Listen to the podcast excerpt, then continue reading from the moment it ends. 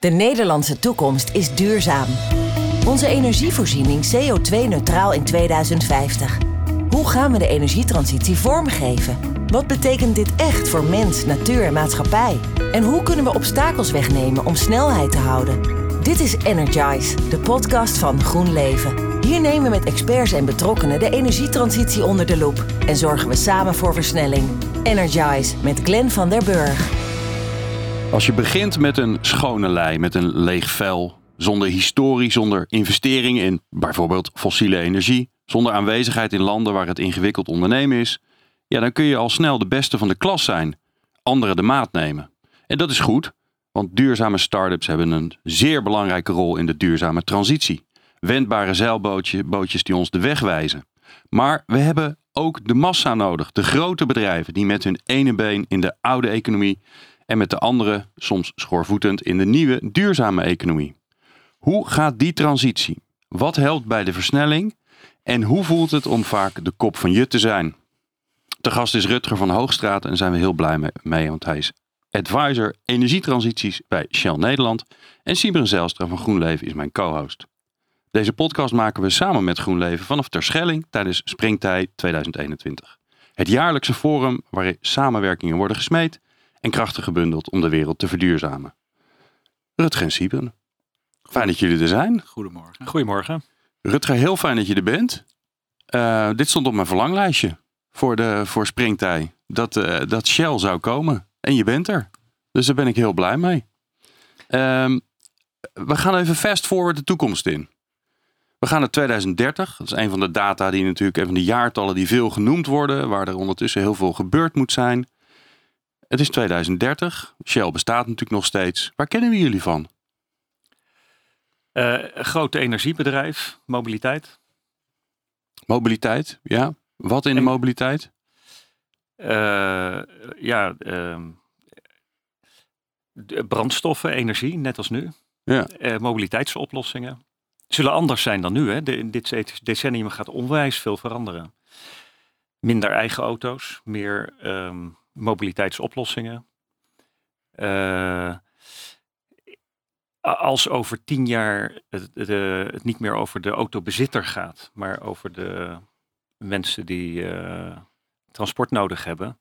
En je zet hubs, dan denk ik dat je Shell zal zien als de partij die dan de mobiliteitsoplossingen en uh, late infrastructuur. Oké. Okay. mobiliteit is ook voor logistiek, hè, zwaar transport. Uh, dat zullen we ook nog Een van de uitdagingen die we nog met z'n allen hebben, hè, waar ja. we nog niet echt een goede oplossing voor hebben volgens mij. Ja, want batterijen gaat daar niet heel goed werken. Misschien wel. Hè. Er zijn meerdere oplossingen. Of, of het wordt toch batterijen, of het wordt waterstof. Uh, het wordt door bio-LNG. Um, dus daar zijn we allemaal aan het werk. Kijken wat de winnaar wordt. Ja. Is dat dan ook de uitdaging? Dat je, hè, ik, ik schets het al even, hè, je komt ergens vandaan, je gaat ergens naartoe. Uh, heel veel mensen, nou, zeker op dit eiland, uh, die vinden dat het allemaal niet snel genoeg gaat. Sterker nog, je krijgt een rechtszaak, rechtszaak aan je broek waarin je nog even een extra duwtje krijgt. Um, hoe is dat? Schets ons eens, want daar gaat het. Dat ik hoor dat bijna nooit. Van Shell is natuurlijk een, een bedrijf waar ongelooflijk veel slimme, intelligente, capabele mensen werken. die, nou, die er ook voor zorgen dat de economie draait. De huidige economie. Dus hoe, hoe is het bij jullie? Verschrikkelijk veel energie. Ik, ik zie Shell als alle mensen die daar werken, die, ja, die, die hebben een passie om het bedrijf toekomstbestendig te maken. Dus het is een soort van zelfsprekendheid als je bij Shell werkt, dat je wil werken aan oplossingen van de toekomst. En als dat onzeker is, dan werk je dus aan verschillende technieken. Um, ook als je niet zeker weet of dat een winnaar wordt. Ja. En de uitdaging is natuurlijk dat, um, dat je daarmee moet schakelen. Je noemde het net al even met het zware transport. Hè, dat, je heel veel, dat, er, dat er nog steeds verschillende wegen zijn waar, die je kunt bewandelen. Waar je in moet investeren. Uh, die investering moet, moet ook weer wat opleveren. Dus hoe, hoe zie jij die beweging dan binnen Shell gaan uh, om van nou ja, alle kwaliteiten en, en technologieën die jullie hebben en de, de specialisaties in, nou ja, bijvoorbeeld in gassen, waar je natuurlijk veel verstand van hebben. Hoe, hoe draai je dan zo'n enorm bedrijf langzamer aan, zeker aan naar, uh, ja, naar die nieuwe technologieën? Terwijl je eigenlijk nog niet precies weet wat het gaat worden. Ehm, nou, het, het, inderdaad, het draaien is een, is een uh, heel traject. Uh, waar ik heel blij mee ben, is dat er heel vroeg in dat traject uh, op het allerhoogste niveau doelstellingen zijn gesteld. Hè, van daar willen we zijn als bedrijf in 2030 en in 2050 ja. en de komende drie jaar. Um, wat, wat de uitdaging is, is om dat dan te vertalen in bedrijfsvoering. Dat je ook elke keer weer als je um, projecten gaat renken of een investeringsbeslissing gaat nemen, dat je dan ook dat einddoel meeweegt in die korte termijn beslissing. En dat zijn we inderdaad niet gewend. Dus projecten worden um, nog steeds heel zwaar beoordeeld op de winstgevendheid Ja. die ze vandaag zouden hebben met Hm. de financiële eh, realiteiten van nu. Terwijl we ook projecten moeten doen die belangrijk zijn voor dat traject naar 2030 en 2050.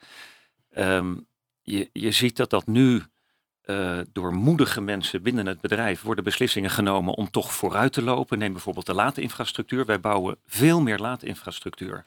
Zowel bij mensen thuis, bij bedrijven en mensen thuis als voor onderweg. Veel meer dan er elektrische auto's zijn. Maar dat gaat komen, die elektrische auto, dat weet iedereen nou wel, dat, dat gaat heel snel. Ja. Dus we zijn heel blij dat we die moedige beslissing hebben genomen. Maar er worden ook moedige beslissingen genomen in ehm, eh, biobrandstoffen of eh, circulaire technologieën bij onze chemie. Eh, of dat de juiste weg is, dat, dat is nog best spannend. Maar om, dus je hebt, je hebt ehm, het gaat nog niet vanzelf in de bedrijfsvoering. Ik merk dat het heel erg belangrijk is van moedige managers die toch weten uit te leggen, eh, financieel en strategic fit, dat we deze dingen moeten doen. Echt een tanker in beweging krijgen. Hè? De GroenLeven is misschien een klein eh, speedbootje. Dat is natuurlijk veel makkelijker. Je hebt zo'n eh, ja, apparaat wat opgebouwd is. En, eh, en, en het is, ja, de, de zon in bijvoorbeeld is chips gebaseerd en niet moleculen. Hè? De, Ja. de- dat, dat is natuurlijk ook een hele versnelling. Dus dat is ook een. Nou, en de, en de, wat ook denk ik eh, niet meehelpt, de rendementen zeg maar, van, van eh, de duurzame energie is misschien de helft van eh, traditioneel eh, eh, ja, eh, downstream en upstream met name olie. Ja. Dus dat, dat, is, dat lijkt me echt lastig. Dat is echt eh, knap in je rol, omdat eh het is echt, je, je, moet een deel van de oplossing worden. Ja, ik zie dat als een, ja, eh, ja. als een tijdelijk effect wat je nu benoemt. Hè? Dus eh, zolang er nog fossiele brandstoffen zijn, eh, is het moeilijk om betaald te krijgen voor duurzame energie. Ja. Maar in de toekomst, als we die kranen gaan dichtdraaien, eh, vanwege CO2-beperkingen of eh, omdat dingen gewoon, ja, of, de, of de milieubelasting van fossiele brandstoffen, gaan de, gaan de kranen dicht. We gaan het als samenleving beperken. Maar we hebben toch energie nodig Ja. met, als samenleving. Dus het, ja, uiteindelijk is er een plek in de samenleving voor bedrijven die complexe energieoplossingen, die dingen kunnen integreren. Ehm, ik denk dat energiesystemen alleen maar complexer gaan worden in de toekomst dan ze in het verleden geweest zijn. Nou, dan moeten er bedrijven zijn die dat kunnen. En volgens mij, als jij hele ingewikkelde dingen kan doen, balanceren van een energiesysteem, dan kan je daar geld mee verdienen. Mhm. En je kan jezelf natuurlijk wel triggeren, maar dat doen jullie denk ik ook al, hè, met een CO2, CO2-prijs eigenlijk. Ja. Dat je zegt, Ja. die, die negatieve externaliteiten, die prijs je in. Ja. Dat, dat is natuurlijk wel, ik weet niet, Esso en Exxon en zo doen dat eh, niet, of deels. Eh, je, eh, maar dat, dat triggert je wel om, om, om vooruit te komen, innoveren en, eh, en, en, en, en, en toch die kant op te gaan. Ja, Ja.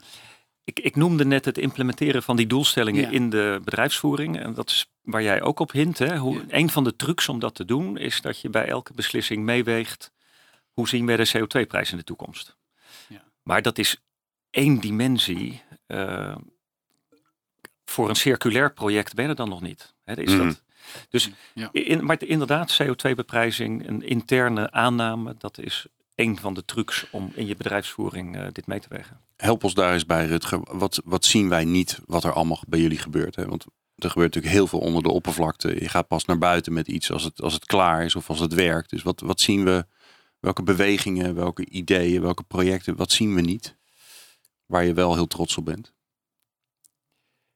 Eh, ik Vlieg- zit zelf nu he- 400 projecten Ik- door je ik- hoofd. We geven je nog even tijd. Wat heel tastbaar is, is New Motion, Ubitricity. Die, die toch al echt al ja, overnames, zeg maar. En dat het integreren nu.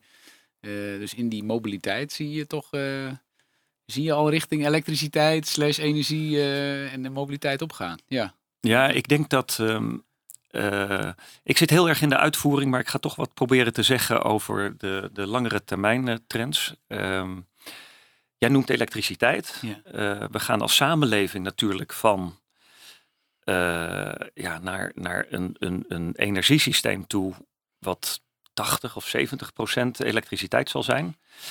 Eh, ik denk dus en dat het het is nu Shell 20 geloof ik of zo. Hè? ja, Ja. ik denk dat het voor Shell ook die kant op gaat. Dus wij zijn straks een bedrijf waar eh 70% van wat wij verkopen is elektriciteit of 80%, wie zal het zeggen? Van, ja, nu is het misschien, ik, ik weet niet precies het getal, maar iets van 10% of zo, hè, onze, onze windparken en, en de zonneparken. Maar, eh, dus dat betekent dat er inderdaad een enorme toename zal zijn in investeringen. En daarmee hangt samen, dat is dan misschien minder zichtbaar, ehm, hoe kan je ook de elektriciteit die je opwakt, opwekt vertalen in een, in een product waar de samenleving wat aan heeft. En de samenleving heeft elektriciteit nodig wanneer het elektriciteit nodig heeft en niet wanneer de wind waait. Hmm. Dus het, het balanceren van dat soort systemen, maar ook eh, als we ook gaan verwarmen met eh, elektriciteit, de seizoensfluctuaties. nou, daar zit een heleboel ehm, in, de, eh, in, in de funnel, in het denken van welke oplossingen kan Shell ontwikkelen om ook voldoende elektriciteit te hebben als we warmte nodig hebben in de winter. En ook de korte termijn fluctuaties. Er zit een heleboel batterijen en balanceringstechnologie. Je kan het met batterijen doen, maar je kan ook zeggen, hoe kan je het nog slimmer doen door ook eh, de elektriciteit slimmer te gaan gebruiken. Dus eh, wat ik nog niet benoemd heb, is dat al die transities moet samen met onze klanten en met leveranciers en met die speedbootjes eh, moet dat gebeuren. En ehm, eh, dus hoe kunnen wij samen met onze klanten zorgen dat we slimmer elektriciteit gaan gebruiken om te zorgen dat het energiesysteem niet veel te duur wordt of eh, onbetrouwbaar wordt. En daar gebeurt een heleboel. En dat gebeurt op het gebied van elektriciteit en dat gebeurt ook op het gebied van waterstof bijvoorbeeld. Waterstof is een, eh, een prachtige energiedrager voor de toekomst. Hij is wel duur om te maken, er zit heel veel stroom voor nodig. Maar wat die heel goed kan, dus je kan het eh, goed transporteren en je kan het opslaan, wat met elektriciteit veel moeilijker is. Dus een eh, ontwikkeling waar Shell ook enorm mee bezig is, eh, zit veel in Amsterdam aan, aan het ei, in het, in het laboratorium, is hoe kan je veel slimmer met waterstof omgaan. Mhm. Met opslag, met balanceren, dingen, wa- waterstof maken of gebruiken op veel kleinere schaal, zodat je de toepassingsgebied ook kan verbreden. En je had het net al even over de mobiliteit. Hè? Ik kan me ook voorstellen dat zo'n ja, zo, zo'n fase in een bedrijf waarbij, waarbij er echt een totale andere wereld aan het ontstaan is. Waarbij datgene waar je altijd heel goed in was eh, aan het verdwijnen is. Sterker nog, hè? waarbij de publieke opinie roept eh, het kan niet hard genoeg gaan. En ondertussen rijden mensen gewoon in een auto van A naar B. Dat We zijn altijd bij GroenLeven trouwens heel blij met de mensen uit de oliesector. Eh, safety, kwaliteitsstandaarden. We hebben echt, nou, ik denk wel tientallen nu binnen. Eh, ja, eh, fantastisch, hoog, ho- hogeschool. Dus de duurzame energiesector is er heel blij mee. Ja. Ja. Ja, het interessante is natuurlijk dat zo'n herbezinning betekent ook dat je weer kan bepalen van alles kan. Hè, De wereld ligt open. Waar hou je dan aan vast? Hè, Want je, voordat je het weet ben je inderdaad, eh, ga, ga je, ga je deelauto's, eh, ga je een deelautosysteem opzetten. En, eh, en, dat, en dat zou kunnen, hè, qua organisatie die groot zat om dat soort dingen te doen. Maar de vraag is natuurlijk ook van ja, wat, hoe, hoe, zorg je ervoor dat je blijft doen waar je goed in bent? Ik, eh, wat, wat, wat, ik een hele kansrijke eh, ehm, eh, anker zie, ik, ik, vol- vol- volgens mij houden we daar voorlopig aan vast, is Shell als energiebedrijf en ehm, grondstoffen. Hè? Ehm, en en eh, nou, energie hebben we het al even over gehad. Hè? We, als Shell een groot energiebedrijf blijft, dan zal dat dus duurzaam moeten zijn en binnen de klimaatambities passen. Nou, dan ga je richting elektriciteit. Dus als je dat vasthoudt, dan ga je dus ehm, producten eh, ontwikkelen en, en, en energie ontwikkelen, wat ook echt optelt tot het leveren van energie. En dan is misschien een, een deelauto kan daar misschien onderdeel van zijn als je dat daarvoor nodig hebt, maar de primaire strategic fit is dan het leveren van de energie om die deelauto te laten rijden. Dus e- energie is een, is een houvast. Ehm, als je echt kijkt naar de kennis die we hebben uit de olie- en gaswinning, dan kan je bijvoorbeeld denken aan het ontwikkelen van aardwarmte. Dan zie ik Shell meer als het bedrijf die de aardwarmte helemaal ontwikkelt en ook gaat leveren. Dus wij zijn de leverancier van energie. En niet alleen maar de putten boren of de ondergrond in kaart brengen. En iemand anders dan het energiebedrijf laten zijn. Bij grondstoffen, idem dito. Uh, grondstoffen die we nu voor een heel groot deel ook weer maken uit die fossiele uh, brandstoffen dan als feedstock. Als je die ook gaat maken circulair of uh, synthetische grondstoffen. En dan heb je het over asfalt, dat soort producten, toch? Ja, ja, ja. ja, maar je kan bijvoorbeeld je kan plastic ook synthetisch proberen te maken. Nou, um, en, en daar zijn heel veel ontwikkelingen op gang. Nou, dan, dan houd je dus vast als anker. Shell blijft gewoon de leverancier van die grondstoffen voor de plastic-industrie bijvoorbeeld, of voor allerlei andere industrieën. Maar dan zonder de olie en gas als, als grondstof. Ja, ja, dus je haalt eigenlijk de, dat, datgene waar je, wat, je, wat je bron is, de feed eigenlijk van het hele, hele systeem daarachter. Daar ga je aan sleutelen, daar ga je aan veranderen. Dus alles wat je hebt richting klanten, uh, technologieën uh, om, uh, we zullen nog steeds plastics nodig hebben, alleen het is fijn als het ergens anders van gemaakt is. Daar ga je aan werken. Hoe verwacht je synthetische kerosine? Dat je zegt de jet fuels, de zware olie voor de vliegtuigen, dat je dat synthetisch of dat het ja, een haalbare prijs is? Of dat, dat, dat duurt nog ja, tientallen jaren? Of is dat geen idee? Ja, en, en, en. Hè. Dus ja. Uh, ja, het duurt uh, tientallen jaren. En ja, en ja um, uh, het zal, neem ik aan, duurder zijn. Maar ja, er zullen allerlei waarden en verwachtingen in de samenleving zullen gaan veranderen als we die fossiele ehm, bronnen kwijtraken. Um, dus misschien wordt vliegen wel exclusiever, maar het zal duurzaam moeten. Vliegen op waterstof zal duurder zijn dan wat we nu doen. Vliegen op uh, synthetische brandstoffen zal duurder zijn. Vliegen op batterijen zal duurder zijn.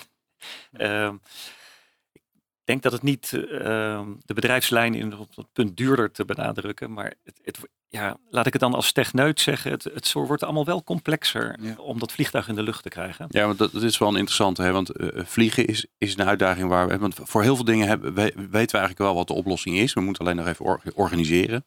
En ons gedrag aanpassen. Niet heel belangrijk. Maar er zijn ook dingen die waar, waar we gewoon nog niet uit zijn. Hè? Dus vliegen is zo'n ding, maar volgens mij ook uh, internationaal vrachtverkeer, scheepvaart. Uh, scheepvaart. Uh, ik heb me ooit laten vertellen door iemand van TNO, ja, als je, als je zo'n grote containerschip op waterstof wil laten varen, dan moet er een containerschip achter met waterstof achter, als een soort aanhanger. Ja, dat gaat hem dus niet worden. Maar ja, zijn dat dan ook van die taaie vraagstukken waarvan, je, waarvan Shell dan zegt, nou, dat is nou echt zo'n vraagstuk waar wij de oplossing voor kunnen gaan ontwikkelen, bedenken, samen met misschien. Ja, absoluut. Dus uh, in de recente reorganisatie die Shell doorgegaan, heeft uh, uh, de sectoraanpak, noemen wij dat, heeft heel veel focus gekregen, ook in de organisatiestructuur en ook in de manier waarop wij de technologie intern positioneren. En die sectoraanpak wil, neem bijvoorbeeld even scheepvaart, die, die Siberen net noemde. Um, dan willen wij echt een partner zijn van die sector, van hoe gaan wij verduurzamen. En dan betekent dus dat je een lange termijn relatie aangaat met die sector. Wat zijn de uitdagingen? En dan leren we ook van die sector welke oplossingen zouden wel en niet sector. En je gaat samen, uh, ja, en je gaat samen uh, verschillende technologieën uitproberen. Um, en die sector is niet alleen de bedrijven die dat doen, maar dat zijn ook de ministeries die daar en, en, en, en de instanties die, de, die dat reguleren. Uh, de NGO's die ermee bezig zijn. Dus die, die hele sector en inderdaad, wat zijn, de, wat zijn de mogelijkheden en hoe kunnen wij daarbij helpen? Ja. Volgens mij zien heel veel mensen, en volgens mij zien jullie dat gelukkig zelf ook. Uh, dat is wel fijn als je, als je zo'n groot bedrijf hebt, dat je, dat je een mooie, mooie toekomst voor, voor ogen hebt. Volgens mij zien mensen dat, dat organisaties zoals Shell en zo zijn natuurlijk. En uh, Tata Steel loopt hier ook rond op het eiland. En er zijn allemaal mooie organisaties die, uh, die, die, met dat ene been in die oude economie staan. Die nodig zijn om hem draaiende te houden. En met het andere been uh, richting duurzaamheid aan het gaan zijn. Zien de potentie van die, van die organisaties. Uh, maar jullie zijn ook de kop van Jut. Hoe is dat? Daar wil ik even mee beginnen. Wat doet dat in zo'n organisatie? Dat je toch uh, nou, jij helemaal, hè, want jij houdt je bezig met die eh, hernieuwbare duurzame energie. En dan, ja, dan krijg je toch zo nu en dan even een, eh, een virtuele draai om de oren van publieke opinie of er is weer wat in de, in de krant of op tv. Hoe, wat gebeurt er dan met mensen in, in binnen Shell? E-, e-, even beginnen bij mijzelf. Ehm, het heeft mij nooit. ik heb nooit als een probleem gezien, want ik ben ehm, zelf ook onderdeel van dat transitiedenken en uh, klimaat heeft bij. Ik doe dat ook thuis. Hè. Ik, heb, uh, ik ben actief in een wijkvereniging met mijn eigen huis. Dus de, ik, ja, ik vind het vanzelfsprekend dat in die transitie dat daar wrijving is en dat er dus ook, noem het maar even, de slopers zijn die zich erg richten op de dingen waar we vanaf willen. En ja, dat dat sterke logo van Shell daar dan een symbool voor is. Dat begrijp ik wel. Maar je hebt gelijk, het doet iets met de organisatie en de mensen die daar werken. Um, een van de dingen die het doet is dat ehm, terwijl het juist zo belangrijk is dat um, uh, mensen die bij Shell werken, dat die, dat die ook actief zijn in de wereld buiten Shell om die verbinding te hebben. En dat kan zijn op school of een sportvereniging of een wijkinitiatief of gewoon met de straat iets samen doen. Als je daarin geremd wordt omdat je dan kritiek krijgt mm. omdat je bij Shell werkt, dat is, vind ik heel erg jammer. Het zit al niet zo in de Nederlandse cultuur. Hè, dat Amerikaanse van natuurlijk ben je als je bij een groot bedrijf werkt, ben je ook actief bij die club en die club en die club. In Nederland scheiden we dat dan allemaal. En het zit al niet zo in de cultuur. En als het dan ook nog geremd wordt doordat je kritiek krijgt omdat je zit, dat is heel erg jammer. Dus er zijn inderdaad collega's die ehm, daar terughoudend in zijn. En tegen al die collega's. Dat je daar een beetje introvert van wordt eigenlijk. Ja, zou ik zeggen, joh, uh, ga gewoon het gesprek aan. Ehm, en of zie het zelfs als een stukje ontwikkeling van jezelf. Ga oefenen op je familie uh, om het verhaal te vertellen. En dan op school. En dan misschien in een wat engere uh, setting in een politieke partij of zo. Ja. Maar dus je gaat de samenleving in. Er is nog een ander aspect. Um, dat is gelukkig steeds minder nu. Um, even terug over dat punt van uh, we moeten het samen doen met andere partijen in de keten, met klanten. Um, er zijn ook klanten die drie keer nadenken voordat ze een project samen met Shell doen. Want wat doet het met onze imago? Okay. Dat vind ik heel erg jammer. Hè? Als Shell nou echt bij uitstek een bedrijf is die goede oplossingen heeft, ik ga heel bewust geen voorbeelden noemen, maar we zijn dat tegengekomen bij bedrijven die heel erg een groen imago hebben. Wij zouden daarbij kunnen helpen met zonnepanelen mm. of late infrastructuur of balancering. Kiezen dan toch voor een andere partij vanwege het imago. En dat is denk ik niet te. Ja, dat is, dat is jammer. Ja, terwijl andersom uh, kun je natuurlijk als samenwerkende partij ook weer invloed uitoefenen op zo'n grote mega-organisatie. Wat nogmaals, als jullie in beweging komen, dan, uh, dan, dan gebeurt er wat. Ja, op het moment dat je partnership aangaat, dat, dat is twee richtingen. Je kan je ook zeggen, dan wil ik wel dat je dit en dat doet. Ja. Wat hebben jullie nodig? Ik kan me best voorstellen dat, dat mensen luisteren. En ik ongetwijfeld, als ik dit ga posten, krijg ik ook gezeur.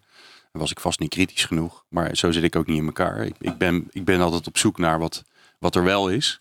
Um, dus wat hebben jullie nodig? Hoe, hoe, hoe kunnen mensen uh, jou, uh, uh, maar ook Shell helpen om, om te versnellen in plaats van introvert te worden en te denken nou... Nou, een partij die heel belangrijk doen, is in dat samen doen, zijn overheden. En um, ik heb al gezegd, Shell moet moedige keuzes maken en voorop durven lopen. Maar een bedrijf kan niet gekke Henkie zijn. Dus op een gegeven moment um, moeten ook voor de echte grote transities, um, denk ik dat we dat ook samen met de overheden moeten doen. Wij, eh, Shell is natuurlijk een, een global bedrijf, maar we zijn in Nederland bijvoorbeeld heel blij met het klimaatakkoord. Dat daar afspraken zijn gemaakt met uh, overheden, burgers en het bedrijfsleven. Van hoe zorgen we dat het allemaal even snel gaat en dat we ook in samenhang gaan bewegen. En ik merk dat voor de veranderingen bij Shell, dat um, uh, wetgeving, waar, waar, bijvoorbeeld in staat over vijf jaar mag alleen nog maar dit of over vijf jaar moet dat. Ja, dat is. Dat schept helderheid. Helderheid. En dan, ja. dan, dan wordt het ook duidelijk dat er een, uh, voor dingen die je doet, dat het op termijn ook gezonde business kan zijn. Um, En bijvoorbeeld. Want is dat, is dat een van de. Je noemde het aan het begin al even. Hè? We werken naar een toekomst die onzeker is. Waarbij het A, B, C of D kan worden. Uh, nou ja, Shell is wel een bedrijf die nog in allemaal kan investeren tot een bepaald punt. Maar er komt natuurlijk een punt dat je moet zeggen, nou, welke gaat het worden? En, en zijn het dat soort keuzes waarvan je zegt van ja, maar het helpt als we, uh, volgens mij een paar jaar geleden hebben gezegd, we gaan echt aan de slag met waterstof. Het is niet meer of-of. We gaan ook dingen met waterstof doen. We gaan daar ook in investeren. Ja, dat helpt ook. Hè. Dus ik, de, toen ik het net zei, dacht ik meer aan uh, technologie-neutrale kaders. Hè. Bijvoorbeeld een hogere CO2-prijs in Europa. Hè. okay. Daar heeft zelf ook heel lang van gezegd, dat hebben we nodig. Um, in het, in het uh, 2013 energieakkoord was het ook een hoofdbreken van voor, voor, voor de SER die daartoe mee bezig was. Hè. Hoe kunnen we Europa zover krijgen om die CO2-prijs omhoog te krijgen? Want er gaan ook een heleboel dingen vanzelf. Dat is techniekneutraal. Dus dan is nog steeds het bedrijfsleven en Shell die dan met de juiste technologie moeten komen. En misschien vier technologieën uitproberen, kijken welke wint. Maar dan is er in elk geval uh, duidelijkheid dat op termijn uh, energie met een lagere CO2-footprint, dat dat wat waard wordt. Ja. Um, dus en, en als je ook zegt uh, in milieuzones of klimaatzones in gemeentes, hè, dat, dat mag ook eh, eh, techniek neutraal zijn. Alleen het mag niet meer dan x uitstoten vanaf een bepaald jaar. Dat is een fantastisch handelingskader. Dan hoef je niet eens wat te zeggen als gemeente over elektrisch of waterstof. Het is ook zo dat uh, de subsidiesystemen die er nu zijn om bepaalde technologieën te subsidiëren, om dat de ontwikkeling sneller te laten gaan, dat is voor het bedrijfsleven uh, uh, een beetje dubbel. Want aan de ene kant doe je liever als bedrijf, uh, ben je niet afhankelijk van subsidies. Dus eh, doe je dingen die, waar, waarvan je zelf kan bepalen dat ze, dat ze gezonde bedrijfsvoering. Als je afhankelijk bent van subsidies, ben je dus afhankelijk van politieke keuzes die gemaakt worden. Maar we moeten nu zo snel bewegen dat alle bedrijven die in energie zitten, die maken ook dankbaar gebruik van die subsidies en vinden ook dat ze daar dan ook in mee moeten gaan. En daarmee worden dus nu ook bepaalde technologieën en ook waterstof uh, wordt gesubsidieerd. Ja. ja, en komt er toch versnelling. En dat is wat we nodig hebben. Ja, en een mooie voorbeeld is natuurlijk offshore wind, ja. uh, waar nu uh, geen subsidies meer zijn. En daar gaat het dus over wie heeft de beste ecologische propositie of de beste balancing propositie voor zo'n windpark. Ja. Om de concessie te winnen. Wat me nog wel lastig lijkt, is hè, ook de casus in eco natuurlijk. Uh, dat, ja. dat, dat de veronderstelde rendementen in, in uh, upstream en, en olie zijn, zijn gewoon significant hoger dan in, in de renewables. Dus de hele mindset ook bij, ja, bij, de, bij de shareholders en om, eh, het is de way to go. Alleen dat lijkt me zo'n moeilijke spagaat, uh, zeg maar korte termijn versus lange termijn. Dat, dat zulke interessante proposities zijn. Maar ja, dat is 3, 4, 5 procent. Uh, IRR heet dat dan, hè? Ja. Uh, versus wat in, uh, ja, in olievelden natuurlijk voor een, een veelvoud was. Ja. ja. ja. Ik, nogmaals, hè, ik zie dat als een transitie-effect. Maar het is nu echt een probleem. Um, tot op zekere hoogte kan Shell natuurlijk wel kiezen om een beetje te differentiëren. Hè? Uh, de rendementen die je verwacht op de traditionele business en rendementen die je verwacht in toekomstgerichte groeibusiness. Dus we, spelen intern een beetje met het differentiëren van de rendementsverwachtingen. Voor gesubsidieerde projecten kan je natuurlijk helemaal niet uh, uh, een hoger rendement verwachten. Dat is niet de bedoeling van de subsidie. Dus dan wordt dat naar beneden, die verwachting wordt dan naar beneden bijgesteld. Uh, maar nogmaals, ik denk op de lange termijn zullen die complexe energiesystemen van de toekomst, dat zullen we als samenleving gaan waarderen. En dan zullen dat niet misschien de rendementen van, van het verleden worden, maar dan worden dat gezonde uh, businesses. Ja. Rutger, jij zit in de energietransitie. Dat is een van de grootste de, ja, onderwerpen, grootste bewegingen, misschien wel grootste markten die, uh, die nu gaande is. Grootste werkgever, kan, want het is 7, 8 procent van de beroepsbevolking wereldwijd werkt in energie en 7, 8 procent in mobiliteit. En dat gaat samen. Dat is Kijk. natuurlijk gigantisch. 60, ja. 1 op de 6 mensen werkt in de sector wereldwijd. Dat betekent ook dat je, als jij morgen een andere baan zou willen hebben, dan zal dat niet zo'n probleem zijn. Sterker nog, als je met Sibre gaat babbelen, dan heb je er misschien zelfs wel één. En je werkt bij Shell. Waarom werk je daar? Wat is het waardoor je denkt, ja, dit is de plek waar ik moet zijn? Ja, dat vind ik een uh, fantastische vraag, omdat ik hem altijd vol overtuiging kan beantwoorden. Uh, ik ben overtuigd dat ik bij Shell de meeste impact kan maken. De snelheid, hè? dus die, het, het, als je met je vraag bedoelt, strookt dat wel met je, uh, met je overtuigingen en ambities? Ja, juist, het versterkt elkaar. En ik zie ook bijvoorbeeld tussen de dingen die ik in mijn, in mijn wijk kan doen en in mijn werk kan doen, dat versterkt elkaar. Hè? Als ik zie hoe moeilijk energietransitie bottom-up is bij mensen thuis. Als ik dat kan meenemen naar mijn werk, maar ook als ik de kennis van mijn werk over de systeemaanpak en het grote plaatje kan meenemen om het verhaal beter uit te leggen aan mijn buren, dat versterkt elkaar. Dus dat, en dat, dat neemt niet weg hè, dat de, de, de speedbootjes ehm, en groenleven onwijs belangrijk zijn ehm, in de transitie en ook in de lange termijn toekomst. Ehm, maar dan denk ik, uh, ik kan nog steeds als Shell ook samenwerken met dat soort partijen. En als je, jij noemde net al New Motion en Ubitricity, ja. Sibren. Als je ziet met een fantastische bedrijven um, en, en, en start-ups, uh, hele innovatieve bedrijven, wij kunnen en moeten samenwerken. Um, en dan zit mijn, hè, dus in die samenwerking zeg ik dan van nou, dan zit ik bij Shell en werk met die partijen samen. En Siberen die zit bij zo'n speedbootje om de, om de uh, innovatieve technologieën groter te laten worden en succesvol te laten worden. En die samenwerking, die heb je nodig. Dus nee, voelt voor mij helemaal goed. Mooi. Ik vond het onwijs leuk en ook dapper, want uh, ja, je, je, je, moet maar even afwachten wat er gaat gebeuren als je voor zo'n microfoon gaat zitten. Maar ik vond het heel, heel leuk om met je te spreken, om even kijk je in de keuken bij Shell hebben. Kijk je in jouw hoofd van wat, hè, wat zijn jouw eigen overwegingen. Dank daarvoor. Sibren, jij onwijs bedankt uh, uh, voor je co-hostschap. Was weer bijzonder leuk. En jij natuurlijk ongelooflijk bedankt voor het luisteren. Bedankt voor het luisteren naar Energize, de podcast van Groen Leven. Meer afleveringen vind je in jouw favoriete podcast-app.